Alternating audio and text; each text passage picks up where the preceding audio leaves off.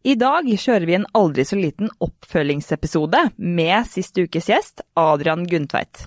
Adrian har stilt i fitness mer eller mindre som en utfordring overfor seg selv og sin disiplin og styrke.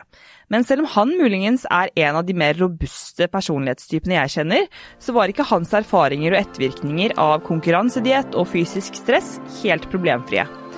For selv om du er en mer rustet person for en slik påkjenning, så vil det foreligge en sannsynlighet for konsekvenser i større eller mindre grad. Og ut ifra Adrian sine erfaringer kan vi kanskje tenke oss til hvilke proporsjoner dette faktisk kan strekkes til. Velkommen til Fysisk på psykisk.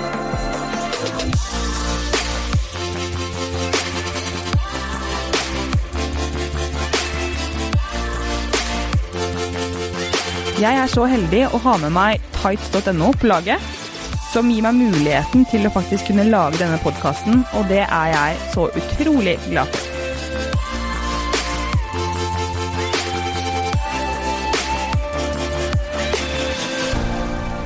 Da er vi good to go, Adrian. Ja, jeg er tilbake. Jeg er tilbake. Ja, velkommen tilbake, da. Jo takk. Jeg har bare begynt å møte opp her en gang i uka jeg nå, så blir jo fornøyd. Ja, blir jo fornøyd er du, og det setter jeg veldig stor pris på. Eh, I hverdagen generelt også. Men eh, utrolig hyggelig og flott at du kunne komme tilbake på besøk, for vi skal jo snakke om noen temaer som engasjerer meg veldig, og som jeg vet engasjerer deg en del også. Ja, nei, jeg er spent på hva du har å ta opp i dag, så skal jeg svare så godt jeg kan, jeg. Du vet jo hva jeg skal ta opp, eh, men det er jo mye av dette her vi var jo, Du var jo med i siste episode hvor vi snakket om For du har stilt i fitness. Og vi snakket jo litt generelt egentlig rundt hvordan det er å stille i fitness, og også var vi litt inne på noen ting som jeg tenker at vi kan eh, strekke enda lenger eh, og snakke litt mer om og gå litt mer i dybden på, som er eh, temaer som jeg brenner ekstremt mye for, som er blant annet, eller som er forhold til kropp og mat. Og hvilket er veldig mye eh, Det er så individuelt, og det er så basert på forskjellige faktorer at det blir vanskelig å eh, snakke for alle om en fasit om hvordan ting fungerer. Fordi vi er såpass ulike, men vi kan gi våre personlige erfaringer. Ja, ja. Nei, det høres jo, høres jo spennende ut. Ja. Det er jo Alle har jo sin motivasjon for å trene, og jeg var innom i forrige episode hva jeg brukte som en motivasjon den gangen, i hvert fall.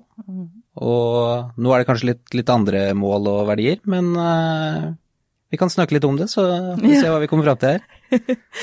Altså, uh, vi vet Altså, vi kan i hvert fall gå tilbake til at du stilte i, uh, i fitness, og som du nevner nå, at din motivasjon var vel kanskje litt mer å, å se hvor langt du kunne strekke den strikken?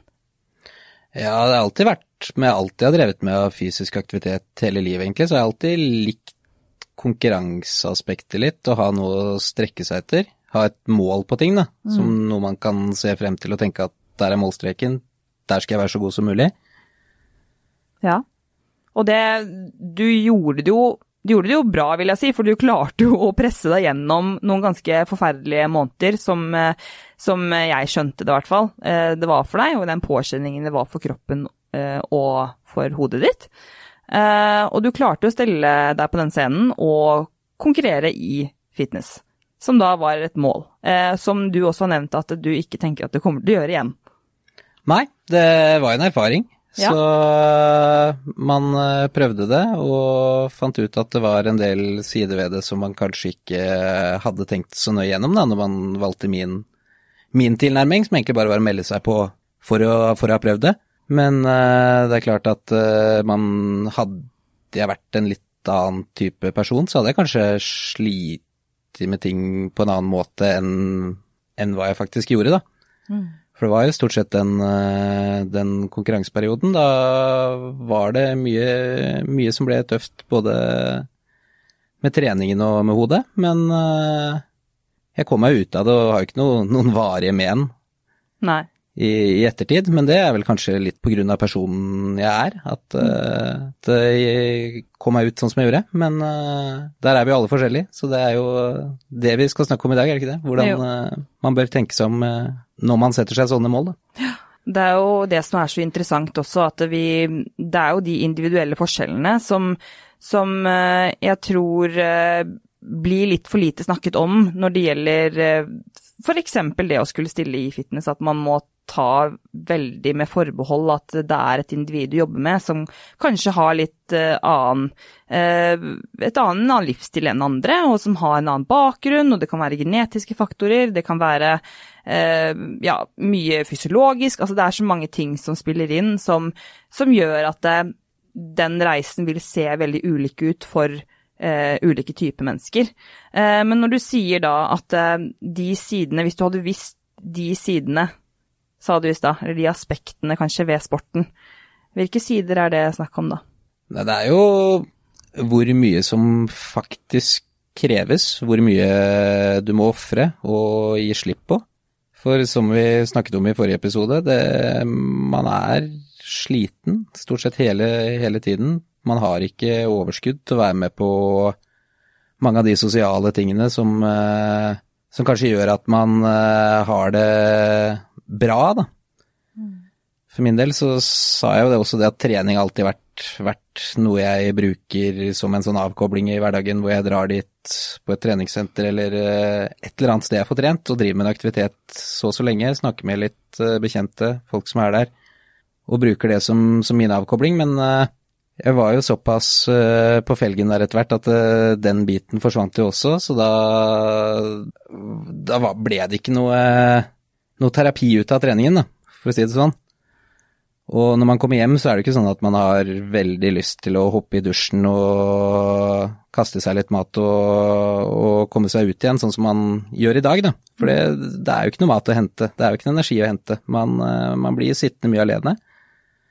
Og hvis man ikke har veldig mye folk som er veldig nært på seg, noen du bor med, eh, noe i de noe av noen sånne ting, da, eller mm. noen venner som er veldig dedikert på å følge deg opp, så, så blir du fort sittende og bli litt ensom.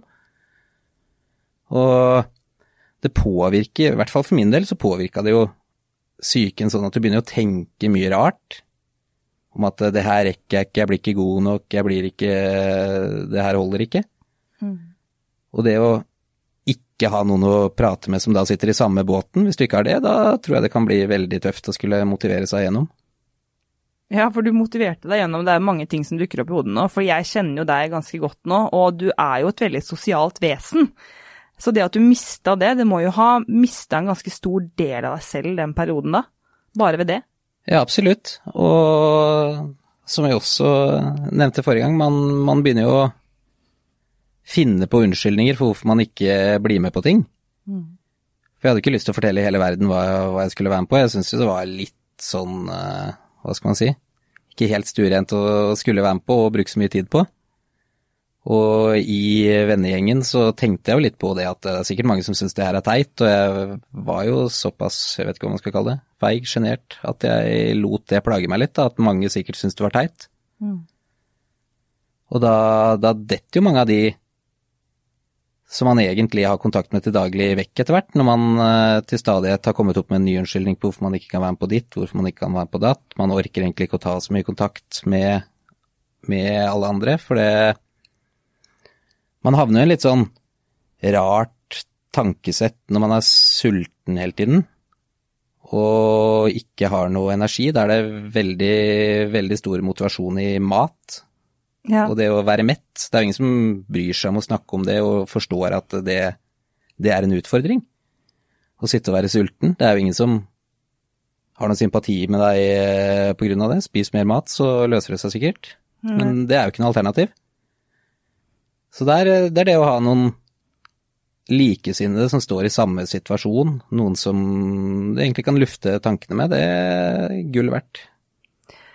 Det jeg syns er veldig interessant når du sitter og snakker nå, det er um, de parallellene jeg kan dra til uh, da jeg var syk mm. og hadde anoreksi. Altså, du, du, forklarer jo akkurat de samme tingene som foregår i det forløpet når man begynner å bli syk med anoreksi eller en spiseforstyrrelse. At du mister, du mister disse delene, spesielt i sosiallivet. Eh, mat blir sånn altkonsumerende tanke. Eh, og at du ikke har noe energi osv., osv. Så, så de har jo også gjort litt, eh, lest litt rundt på dette, og det er jo flere som konkurrerer i det, og som klarer å konkurrere i det flere ganger. Eh, de har et team rundt seg, og det er jo det du nevner også, de har kanskje noen å snakke med. Eh, de har et team rundt seg, og de har oppfølging i forhold til hva som skjer i etterkant, og hvordan de skal legge dette opp for best mulig resultat, og at det kanskje ikke er, er så krise som det kan være for noen, da. Fordi at hvis du, den parallellen jeg nå har trukket mellom de to tingene, at hvis du er en av de som kanskje er litt mer utsatt for eh, den personlige, eller er den personlighetstypen, som, som da velger å kanskje bli med det toget litt videre, og litt for langt og litt for dypt, så er det fort gjort å ikke vite forskjellen på når du konkurrerer og er i en oppkjøringsfase, og når du ikke er det. Eh, og det er jo derfor jeg syns det er så viktig å snakke litt om, fordi at du har så mange fine, fine tanker og meninger rundt dette, og, og, hvordan det var for deg da, å, å stille, hvordan det var for deg å, å måtte endre på kostholdet, hvor vanskelig det var for deg også, i eh, både forkant og etterkant. Så kan du ikke snakke litt om det, da, hvordan, hvordan det var for deg når du skulle For du har jo snakket litt om det at det var jo veldig lite å spise før du skulle stille, og det, det er vel litt sånn allmenn kunnskap for de fleste at du spiser jo ikke mye før du skal stille på den scenen.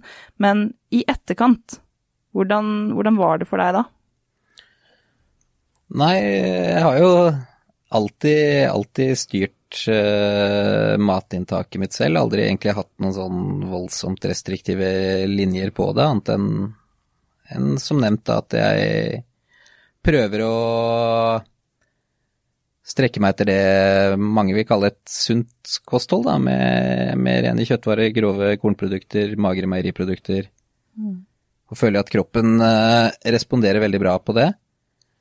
Så det å gi opp kontrollen over den maten, det, det er mulig Det er sikkert med min personlighetstype òg, da, men jeg ble litt trigga at noen andre skulle bestemme hva jeg skulle spise. Det syns jeg var litt, litt vanskelig. Mm. Men det er jo selvfølgelig, det er noe man må rette seg etter hvis man skal være med på et sånn opplegg og ikke har, eh, har kunnskapene til å, til å, styre det 100% selv. Men uh, ble, i ettertid så var det jo fort gjort å dra fram den lappen igjen der det sto hva du skulle spise, særlig når det man hadde gått opp litt, og tenke at jeg burde kanskje kommet meg ned på et nivå som var litt nærmere der jeg var da jeg sto på den scenen, for da så jeg jo veldig bra ut når jeg ser på bildene. Jeg ser jo ikke sånn ut i det hele tatt nå, og det, det er jo kult å se sånn ut. Så glemmer man jo litt den hvor mange kjipe stunder man eh, hadde når man satt der og så sånn ut, og tenker jo ikke egentlig på at det var ikke noe stas, det her. Det, jeg så sånn ut, for jeg hadde et mål, jeg skulle gjennomføre det målet den, den dagen, mm. og så sklir det tilbake igjen mer og mer til en mer normal form, og sånn må det jo må det nesten være. Mm. Men å slippe den tanken helt om at uh, man kan se sånn ut uh, året rundt, det, det, var litt vanskelig, så jeg skled jo stadig vekk litt tilbake på den dietten og modifiserte det litt og prøvde å få det til å være sånn sirkus det samme. Og etter eh, konkurransen, så som jeg har sagt, da var det jo all, all mat jeg fikk tak i, gikk jo ned. For, det var ikke noe reverse diet på deg? Absolutt ikke. Det, også, det, er jo min egen feil. Jeg kunne jo valgt mm. en enklere eller en bedre approach på det, jeg òg. Mm. Men igjen, da, tilbake til, det var noe jeg aldri, aldri, hadde gjort før, og dratt meg så langt ned i, i, fettprosent og vært i så god form, så det er vanskelig å vite hva som er, er den beste veien ut av det hvis man ikke har noe erfaring på det. Ja. Så ja, det er eh... Føler du liksom at det endret ditt forhold da, til kropp og mat? I en periode etterpå, ganske lang periode, så gjorde det det. Det var eh... Jeg tenkte mer over hva jeg, hva jeg spiste og ble mer restriktiv med hva jeg kunne unne meg. Egentlig helt unødvendig. Ja. Som vi har snakket om, så er det jo veldig, eller de som gjør det her gang etter gang, de bruker jo den konkurransen eller de konkurransene som motivasjonen for å trene. Og det syns jeg er kjempefint. Mm. De som får til det, mm. tipp topp. Det er ikke så nøye for meg hvor, hvorfor folk trener, så lenge de trener og koser seg med treningen, så legger ikke jeg meg opp i hva de gjør i det hele tatt. Men De som kjører et sånn uh, crash, crash, course eh, diet som jeg gjorde, da, og bare hopper på og blir med og egentlig ikke har noe, har noe plan på det, det, det, ser jeg for meg kan være veldig problematisk hvis man har noe bakomliggende og noe man vet innerst inne at det her sliter jeg egentlig litt med. Mm. Da tror jeg du kan få noen veldig tøffe måneder og kanskje år etterpå, når du skal eh, tilbake igjen til, til normalkost. Ja. For det er jo det er jo marginalt og magert det man spiser. Det er jo Det er ikke saus på biffen, og det er ikke, det er ikke dressing på salaten. Det er jo så lite kalorier som mulig med så høyt volum som mulig i matvarene for å fremkalle metthetsfølelsene. Mm. Og sånn som jeg har det i dag, så trives jeg jo svært godt med å spise god mat. Og det skal man kunne unne seg jo. Det er jo null problem å spise et helt normalt kosthold så lenge man uh, trener som man gjør og, og, ikke har planer om å bli Mr. Olympia. Men uh, hvis den tankegangen får, får satt seg, at uh, jeg kan ikke unne meg noe fordi da blir jeg ikke, eller kommer jeg ikke til å se sånn ut igjen, da, da kan jeg jo veldig godt forstå at det blir vanskelig. Ja. ja, for du var jo inne på det også, at litt den derre Hvorfor trener du? Og jeg vet jo også at du trener jo fordi at du, du elsker jo følelsen det gir deg, og du liker å være sterk, og, og så liker du også den sosiale biten av det. Og du liker Altså, det er jo så mye med trening som jeg vet at eh, du også liker. Og det å stille seg selv spørsmålet 'hvorfor trener jeg?' Og for noen så kan det helt fint være at de syns det er dritfett å konkurrere i, i fitness, og har de en bra eh, oppfølging, som sagt, og de har en bra plan på det, så er det dritkult at folk, eh, folk velger å gjøre det. Det er kjempefint, men du nevner jo også at det, det er de derre Det er så lite som skal til, kanskje, før du bikker over mm. for noen. Fordi at de eh, Det å definere hva frisk er i dagens samfunn, det er jo nesten helt umulig. Um, jeg får jo ofte, blir ofte stilt det spørsmålet liksom, føler du at du er frisk i dag? Og jeg må rett og slett bare stille eller si tilbake at eh, jeg tror ikke jeg kan svare på det, men føler du deg frisk? Ja, nei det... Og, det, og, det, og det, Fordi jeg har jo da, ikke sant, jeg har min historie, jeg har gått gjennom det jeg har gått gjennom, men jeg har jo bearbeidet veldig, veldig, veldig, veldig mye. Og gått gjennom kanskje flere eh, mentale treninger og eh, fysiske treninger for å kunne eh, for å kunne ha det bedre med meg selv, da. Men jeg tror jo også at det er kanskje um, visse verktøy der som ligger til grunn som veldig mange andre ikke tar i bruk, men som nødvendigvis ikke har noen historie med noen sykdommer som er påvist, da, eller som folk vet om, eller som er diagnostisert.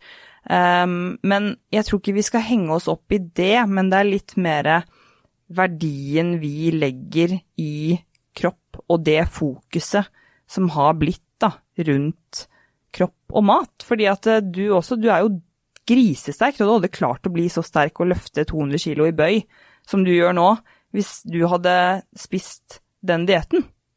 Nei, og det er jo også noe man eh, lærer seg etter hvert, at man må jo spise etter det man trener for. Mm. Og sånn som vi har snakket frem til nå, så virker det jo litt som at uh, fitness det er å bare spise minst mulig hele året, men det er jo på ingen måte Nei. fakta. Skal man bygge muskulatur og muskelmasse over tid, så er det jo det de fleste bommer på, føler jeg, er jo maten. Man mm. spiser ikke nok. For er, man må spise sånne enorme mengder at uh, det er rett og slett vanskelig å få i seg. Og det er jo tilbake til det du trener for å bli større, du trener for å bli sterkere. I fitness så gjør du gjerne det i perioder. Sånn off, off, det er sånn der off, hva heter det? Off-season? Off er det ikke det? Ja, ja. Bulking, bulking season, ja. så går det jo opp og ned hvordan folk velger å approache det òg. Det er jo noen som har noen sånne ekstremvarianter mm. der òg. Men det, så lenge det funker for de, og mm. de har et bra Og de føler at de har det bra, ikke sant? Med seg selv og selvbildet sitt og ja. Mm.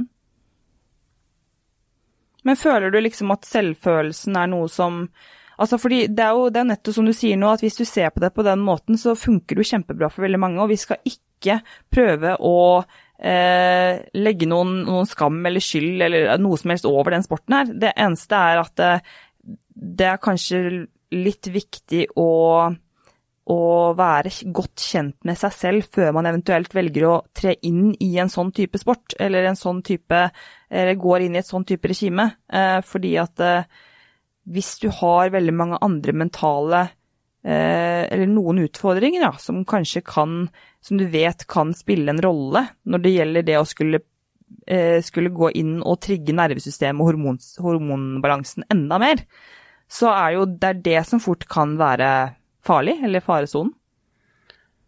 Ja, grunnen til at man kan, eh, kan dra inn fitness som man gjør her, er jo at man rett og slett slanker seg inn i, eller trener seg inn i den hva skal man si, råeste formen man klarer å komme i, og det er jo det mange definerer som nå ser du jo helt rå ut, helt perfekt ut når du mm. Idealformen, liksom. Ja. Mm.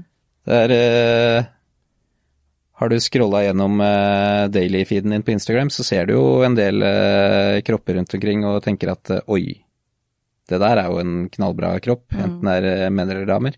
Ja. Og det er jo dit man, i nærheten av det man er når man står på denne scenen. Og man glemmer vel kanskje fort litt veien for å komme dit, og hva man faktisk har ofra og lagt igjen på veien når man sitter og ser på de bildene og tenker at jeg så, så sånn ut, jeg. Mm. Og sånn har jeg lyst til å fortsette å se ut, men uh, Så som sagt, glemmer man den veien som var for å komme dit, hvordan man følte seg når man, når man var der. Og jeg vil vel si at jeg har det 100 ganger bedre i dag, hvor jeg har en relativt normal kropp, fortsatt er sterk, klarer å trene, klarer å prestere på jobb, klarer å prestere sosialt. Ser fortsatt veldig bra ut, da, men ja. Mm. Jeg får gjort, gjort det, jeg, det jeg har lyst til, og det mm. som forventes at jeg skal få til rundt omkring. Og det er mye viktigere for meg enn om jeg har fem og en halv, eller om jeg har tolv, eller om jeg har 18 eller 23 i fettprosent, så lenge jeg får føler at jeg har det bra og får gjort det jeg skal og får vært med på, på alle tingene jeg har lyst til. Så det blir litt sånn feil fokus å skulle hige etter å se slankest eller strammest mulig ut, og, og velge bort å gjøre andre ting fordi man ikke har energi eller orker det fordi man spiser for lite, det, det blir, blir, veldig feil i, i, min bok.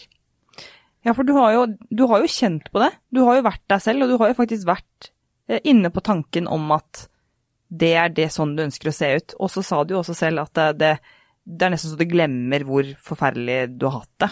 Eh, hvorfor tror du det er sånn? Hvorfor tror du det er så lett å og når vi snakker om dette med idealkroppen, du har jo den strongest new skinny-greia som, som, som, florerte for et par år siden.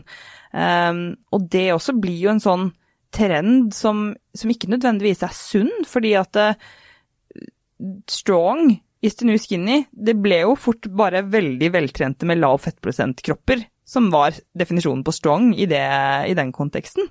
Uh, og det er jo ikke nødvendigvis det, fordi at uh, det å være sterk og være godt trent, det er jo ikke nødvendigvis sammenlignbart, eller i det hele tatt sammenlignbart med hvor høy fettprosent du har. Men hvorfor, du som har kjent på det, hvorfor tror du at det er så mange som, selv om de ikke stiller i fitness, som higer etter den idealkroppen, eller de muskuløse, veltrente, ja, rå kroppene? Rett og slett på grunn av eh, eksponeringen som eh, den type kropper får i dag. Og det er jo Jeg syns det er veldig imponerende å se på noen som er ekstremt veltrent og eh, muskler som tyter ut overalt. Og, ja. og i tillegg er kjempesterke mange av de. Jeg syns det er inspirerende og kult å se på. Jeg vet hva for en jobb som er lagt ned i enig. Ja. I, å se sånn ut. Mm. Og sånn for min del så fascinerer det meg at, at, noen legger ned så mye tid, innsats og en sånn dedikasjon over så lang tid for å, for å se ut som de gjør, da. Mm. Det er jo på mange måter litt som å komme kjørende i en sportsbil som er kjempekul. Ja, det er litt status, med andre ord. Ja, absolutt. Mm Men i hvert fall jeg, da, at eh, man har, eh, man har lagt ned en kjempeinnsats i noe, og, og ser ut som man gjør, og det det blir et statussymbol, rett og slett. Så det tror jeg er mye, mye av forklaringen. Ja, det, og det, det syns jeg også. Jeg blir så nysgjerrig på det med, med, med, status og verdier og hva vi legger i det. Fordi det er helt enig i at eh, jeg tror det er blitt en sånn At det er en eh, Det er en suksess. At folk ser det som en suksess å være på det stadiet og hvor du ser kanskje disse kroppene som da er klare til å stille, eller Jeg også syns det er dødsimponerende. Altså, jeg vet hvor mye har hardt arbeid som ligger bak de kroppene som du ser i toppen, da, som er liksom de eliteutøverne. Altså, de har trent så lenge, og de har holdt på med disse offseason, onseason-greiene lenge. Og de trener opp, og det er jo kunst, ikke sant. Det å se på det er jo kjempe Altså, det er jo veldig fascinerende. Um, men det er, det er noe med det det motivasjonen en har som et, et, vanlig menneske, da, å skulle se ut fordi at det er status, eller det betyr at du oppnår en suksess ved å se ut på den måten. Kan du si at det er, det er faktum for Nei, deg? Nei, på ingen måte. Men eh, det er jo når man kommer over i de mer ekstreme variantene, sånn som når man velger å konkurrere, da, så blir man jo Man er nødt for å være veldig egoistisk. Man har ikke noe å by på for alle andre, man må stort sett tenke på seg selv. Sånn er det jo mange sporter. Absolutt. Ja. Men eh, eksempelvis, bor man sammen med noen, så må man jo lage sin egen mat. Den biten der som man egentlig tenker på som, øh, som øh, helt naturlig, mm. spise sammen og, og ta middagen hver dag sammen. Sånne ting forsvinner jo. Man er som sagt ofte litt irritabel fordi, fordi eh, kroppen går på nødbluss, da. Og man prioriterer hele tiden, man må hele tiden prioritere seg selv og sin egen trening for å, for å få det til å gå rundt. Man er jo avhengig av å ha den stimulien på muskulaturen for å opprettholde muskelmassen. Mm. Da må man trene, man må trene ganske mye. Ofte så orker man ikke da å inkludere noen andre i den treningen, for man er bare interessert i å få gjort det man vil selv, og komme seg, komme seg hjem igjen. Ja, det er, jo, det er jo det, å trene og, og, holde på på den måten. Jeg tror det er mange som gjør det innenfor ulike sporter, som er eh, bare i seg selv er veldig, veldig kult og fascinerende, syns jeg. Og syns det er eh, all creds til de som, de som, kan gjøre det, for det blir jo en slags toppidrett på, på ett nivå. Eh, og det er mye følelser som er forbundet eh, personlig for meg, bare fordi at jeg vet at ting kan Altså, det er en veldig hårfin linje mellom når ting bikker over og blir litt for usunt. Um, og det er så vanskelig å eh, skulle prøve å presisere akkurat hva det er, eller gi en fasit på akkurat hva det er. Men for vi er så forskjellige, og det er jo den påvirkningen som du hadde mentalt, kan du si noe mer om det? Fordi at du nevner jo at det var en lengre periode du kanskje sleit med noe, men var, det, var du snill mot deg selv sånn, eh, sånn psykisk? Nei, ikke sånn veldig, føler jeg. Men eh, Eller jeg følte jo egentlig ikke at uh, noe ble bra nok når jeg sto på et treningssenter etter jeg hadde vært med på det her og, og trente i ettertid. Så var jo egentlig aldri fornøyd med, med hva jeg sto og som så tilbake på meg i speilet, da. Så det var, eh, det var en eh, prosess, det å liksom vende seg tilbake igjen til det at eh, nå er jeg tilbake til å være mer normal, da. For man får jo veldig, veldig mye oppmerksomhet når man har vært med på noe sånt, og bildene begynner å dukke opp i sosiale medier, og alle kommer løpende 'Å, det så kult ut', og 'du så jo helt rå ut'. Så det å da skulle komme tilbake til, til normalen, det var, det var, en påkjenning, det. Og Sånn i ettertid så takka jeg jo også nei til mye sånn sosiale greier, fordi jeg visste at det påvirka treningen. Og da ble det vel lengre vei for å komme tilbake igjen til sånn cirka der jeg var da jeg sto på den, den scenen. Så det, det, var en prosess i, i lang tid, men uh, samtidig så, så var det viktig for meg å få tilbake den sosiale biten. Så, så lenge jeg kom dit igjen og orka være med på det, så løsna veldig mye. Når var det vendepunktet, da? Hvor lenge kan du sånn cirka estimere hvor lang tid du følte at du var i en sånn, jeg vil jo kalle det en slags dal, da? Jeg vet ikke, sommeren, den sommeren så var jeg ikke så veldig interessert i å dra på stranda, for da hadde jeg jo gått opp veldig mye vekt igjen, og jeg følte at alle hadde forventa at eh, han ser jo ut som uh, Arnold Schwarzenegger når han dukker opp her.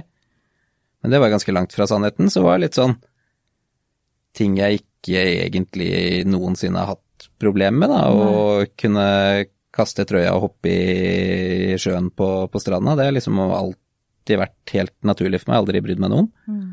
Men da, den sommeren der, så hadde jeg litt sånn betenkeligheter med å gjøre det, så jeg var ikke veldig fan av å dra på stranda med mye folk og, og skulle vise seg fram da.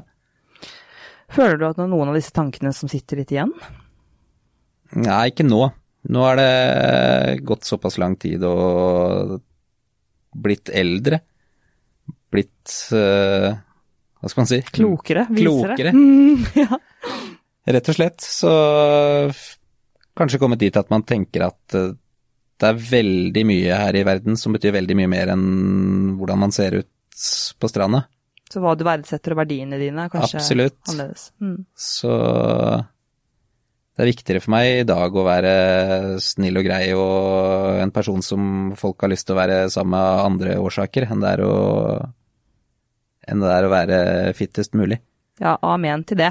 Det er, det er så bra sagt, det. Fordi det er um, det er den verdien, og jeg tror man må bare erfare det selv, eh, rett og slett. Det Livet har veldig mange bølgedaler og veldig mange eh, fjelltopper. Og det er litt sånn, hvis du klarer å, klarer å komme gjennom utfordringene, og man må liksom, man må gå på et par smeller. Eh, men det er rett og slett sånn at noen ting så er det bare du må ta årene til hjelp og tid til hjelp, fordi at du blir jo som sagt klokere og, og får kanskje litt mer perspektiv på livet og, og, hva som er viktig for deg, og hva fokuset ditt kanskje endrer seg til å være. Fordi du hadde jo da et fokus over en veldig lang tid som var bare kropp, ikke sant. Og mm. når du har et sånt fokus, så er det jo ikke så rart at du tenker at det er et fokus alle andre har og klarer å endre det fokuset selv også når du ser deg i speilet, og ikke tenke at åh, nå er ikke jeg verdt like mye fordi at jeg ikke ser ut på den måten. Uh, og det er helt normalt, og jeg tror at det er litt, litt sånn viktig uh, å normalisere det også. Og så er det jo noe vi var inne på siste episode også, litt det med, med, tank, altså med trenere og coacher som følger opp uh, atleter, eller følger opp disse som skal stille og gjøre dem forberedt på hva du går gjennom, hvordan du kommer til å føle det. Og jeg føler også det er veldig mange som er veldig flinke til det, som er gode forbilder der, som er veldig mange som stiller i fitness og som viser at ok, nå er det bulking season, eller nå er det off season, og da, da legger man på seg mye. Og jeg syns jo det er kjempeflott med former og, eh, og høyere fettprosent, og det tror jeg veldig mange andre også gjør. Men eh, det er fort gjort fordi at du tuller så mye med hormonbalansen, da, så er det fort gjort at, eh, at um, ting, eh, ting, kanskje beveger seg litt feil retning over litt for lang tid, og da er mye gjort. Men uh, du har jo vært ganske robust, da, som jeg skjønner, så det er uh, Sitter her smilende og uh, bredeste skuldrene jeg har sett på en god stund, og er godt, godt fornøyd. Bredeste som har vært her, eller? ja. ja.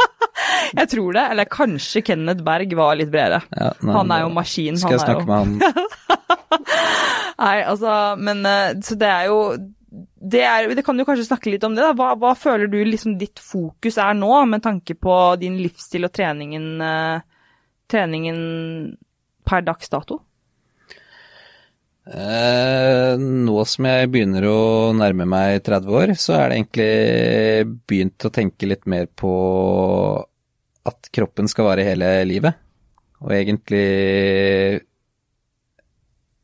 lage best mulig forutsetninger for meg selv for å kunne gjøre alt jeg har lyst til uten å skulle være redd for å bli skada eller slite med smerter i rygg.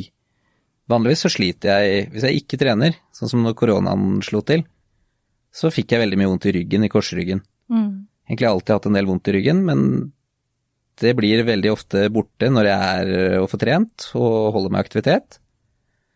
Så sånne ting, da, og jeg syns jo det er kjempegøy å småkonkurrere litt i, om å være sterkest og løfte mest og sånne ting, men eh, det er, ikke, det er, jo ikke, motivasjonen for å trene. Det er jo rett og slett det å være i så god form at Eller dårlig form.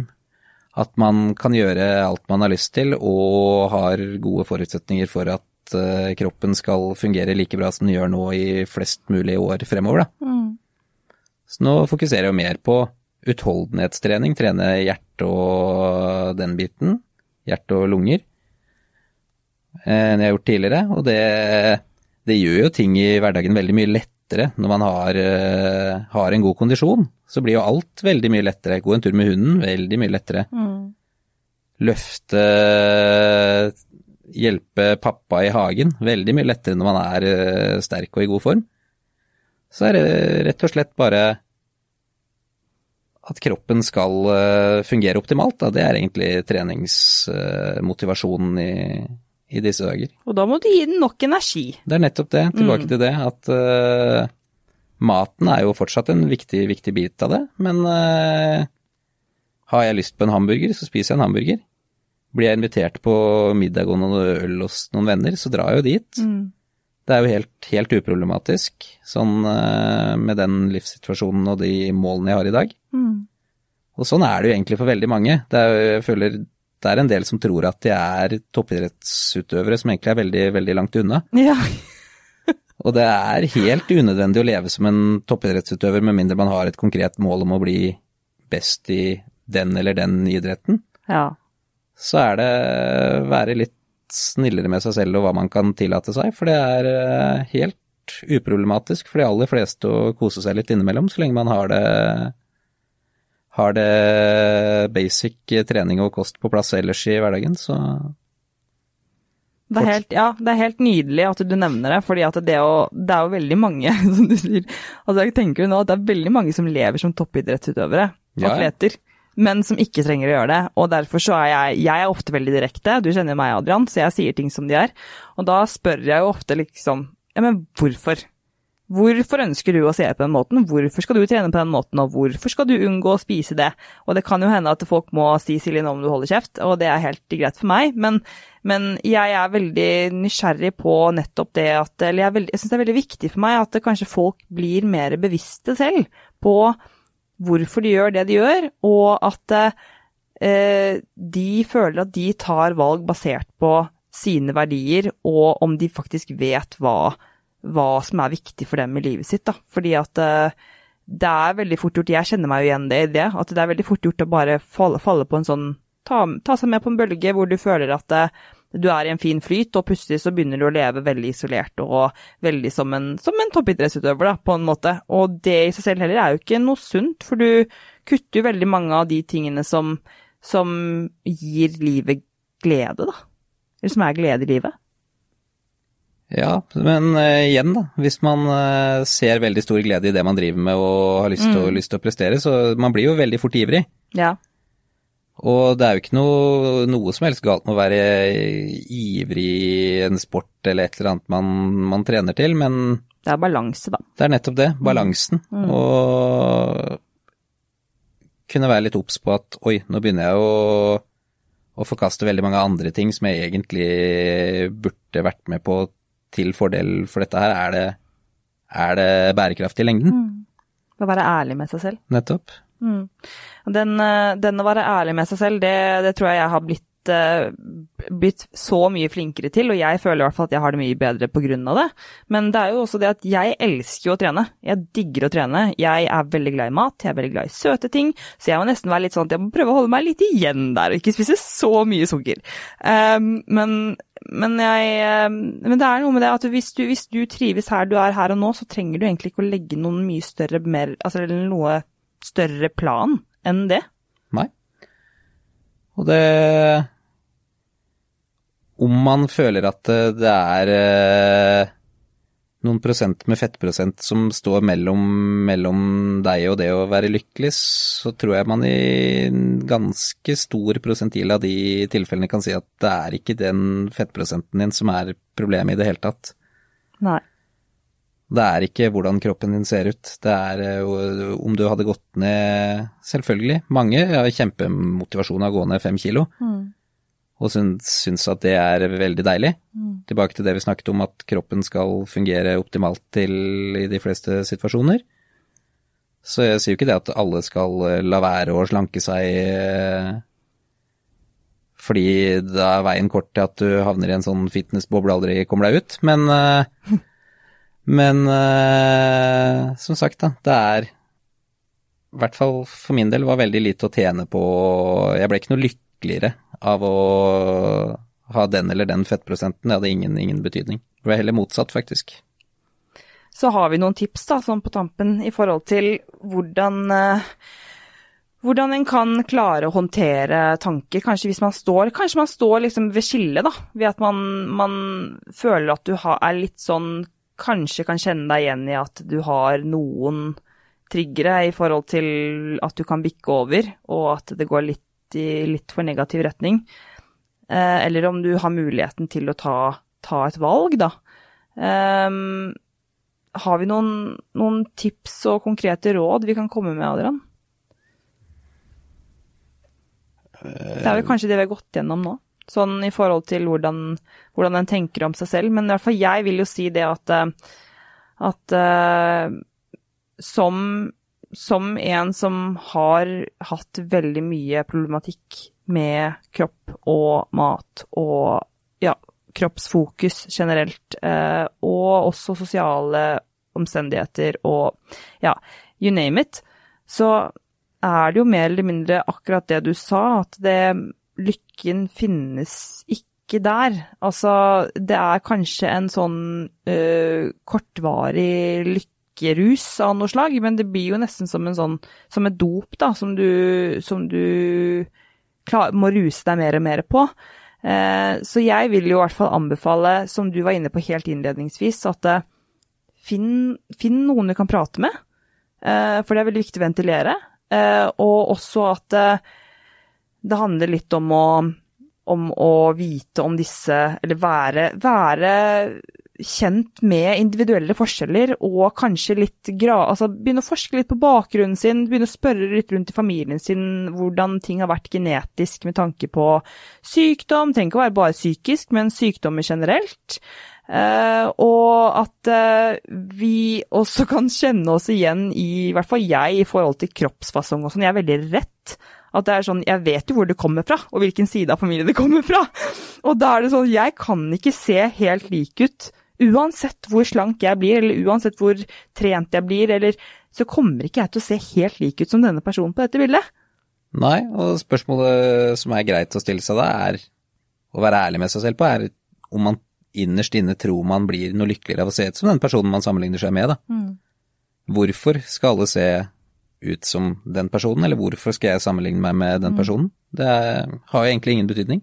Nei, og hvis du har mennesker i livet ditt som legger verdi i det, om at du skal se det på den måten, så tror jeg du henger litt med feil folk. Det tror jeg vi er helt enige om.